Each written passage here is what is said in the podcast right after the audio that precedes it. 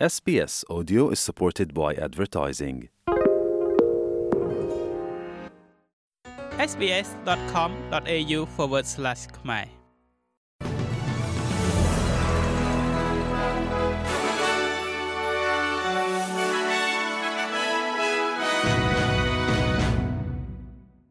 សូមស្វាគមន៍មកកាន់នេតិព័ត៌មានខ្លីៗរបស់ SBS ខ្មែរសម្រាប់ថ្ងៃអង្គារទី12ខែធ្នូឆ្នាំ2023រដ្ឋមន្ត្រីក្រសួងអប់រំរបស់ប្រទេសអូស្ត្រាលីនិយាយថាប្រព័ន្ធសាលារៀនរបស់ប្រទេសនេះ គឺជាប្រព័ន្ធមួយដែលមានការបែងចែកដាច់ពីគ្នាខ្លាំងបំផុតនៅលើពិភពលោក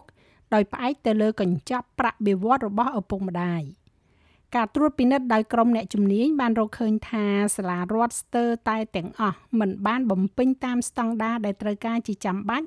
ដើម្បីបំពេញតាមតម្រូវការអប់រំរបស់សិស្សនោះទេរ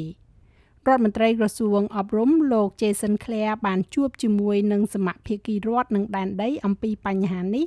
ហើយបានបញ្ញាបិទគម្លាតថាវិការរវាងសាលារៀនរដ្ឋនិងសាលារៀនឯកជន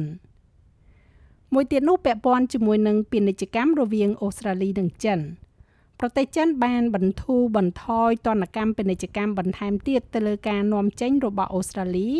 ដោយទីភ្នាក់ងារគយចិនបានប្រកាសដកចេញការផ្អាកលើការនាំចូលសាច់សត្វពីក្រុមហ៊ុនអូស្ត្រាលីចំនួន3គ្រឹះស្ថានផលិតសាច់សត្វអូស្ត្រាលីមួយចំនួននៅតែត្រូវបានផ្អាកដដែលហើយការដាក់ទណ្ឌកម្មនៅតែមានលើការនាំចេញ រួមទាំងបង្កងថ្មនិងសាច់គោការហាម5ស្រាអូស្ត្រាលីក៏កំពុងត្រូវបានពិនិត្យសាររើឡើងវិញផងដែរបន្ទាប់ពីរដ្ឋាភិបាលទីក្រុង Canberra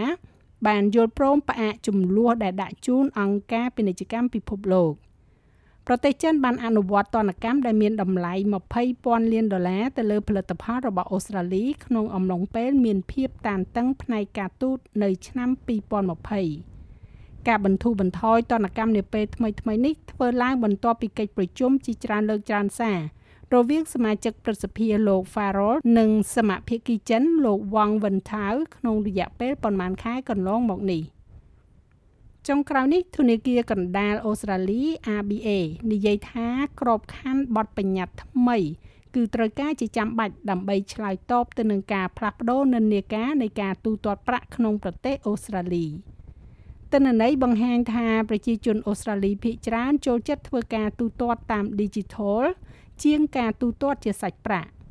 ហើយ ABA និយាយថានេះកំពុងតែដាក់សម្ពាធថ្មីបន្ថែមទៀតមកលើសេដ្ឋកិច្ចរបស់ម៉ាស៊ីន ATM និងដំណើរការនានានៅពីក្រោយការទូទាត់ប្រើក្រដាសប្រាក់ជាក់ស្ដែងថ្លែងនៅក្នុងសន្និសីទមួយទេសាភិបាលធនាគារកណ្ដាលលោកស្រី Michelle Bullock បាននិយាយថាចំណែកនៃការទូទាត់របស់អតិថិជន ដែលធ្វើឡើងដោយប្រើសាច់ប្រាក់បានធ្លាក់ចុះពី70%នៅក្នុងឆ្នាំ2007មកនៅត្រឹម13%កាលពីឆ្នាំមុនលោកស្រីប៊ូឡុកនិយាយថារដ្ឋាភិបាលសហព័ន្ធនិងធនាគារកណ្ដាលបដិញ្ញារក្សាសាច់ប្រាក់ជាជំរើសនៅក្នុងការទូទាត់មួយក្នុងប្រទេសអូស្ត្រាលី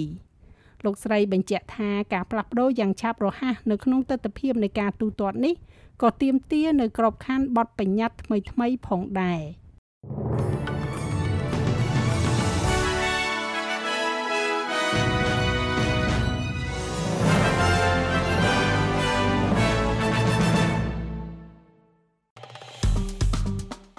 like share comment និង follow SPS ខ្មែរនៅលើ Facebook